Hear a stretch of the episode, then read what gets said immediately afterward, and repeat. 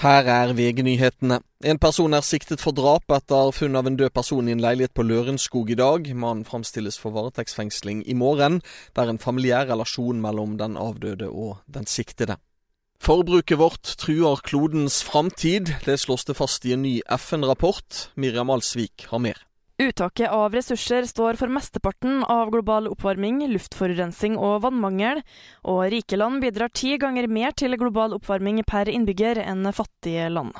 Rapporten advarer, ifølge NRK, mot nye og alvorlige miljøkatastrofer om ikke verdens forbruk av naturressursene endrer seg drastisk. En mann i 40-årene fra Møre og Romsdal er tiltalt for seksuelle overgrep mot 14 jenter og én gutt, som han fikk til å filme seg mens de utførte seksuelle handlinger med seg selv. Det yngste offeret er bare 11 år, melder NRK.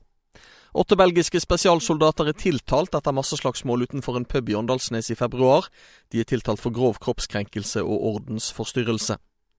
En standard husholdning brukte mellom 8000 og 10 000 kroner mer på strømmen i 2023 enn det de har gjort tidligere år, til tross for strømstøtten. Det viser en beregning Energidepartementet har gjort på forespørsel fra Frp. Det melder Europower. I studio Thomas Alsaker, nyhetene får du alltid på VG.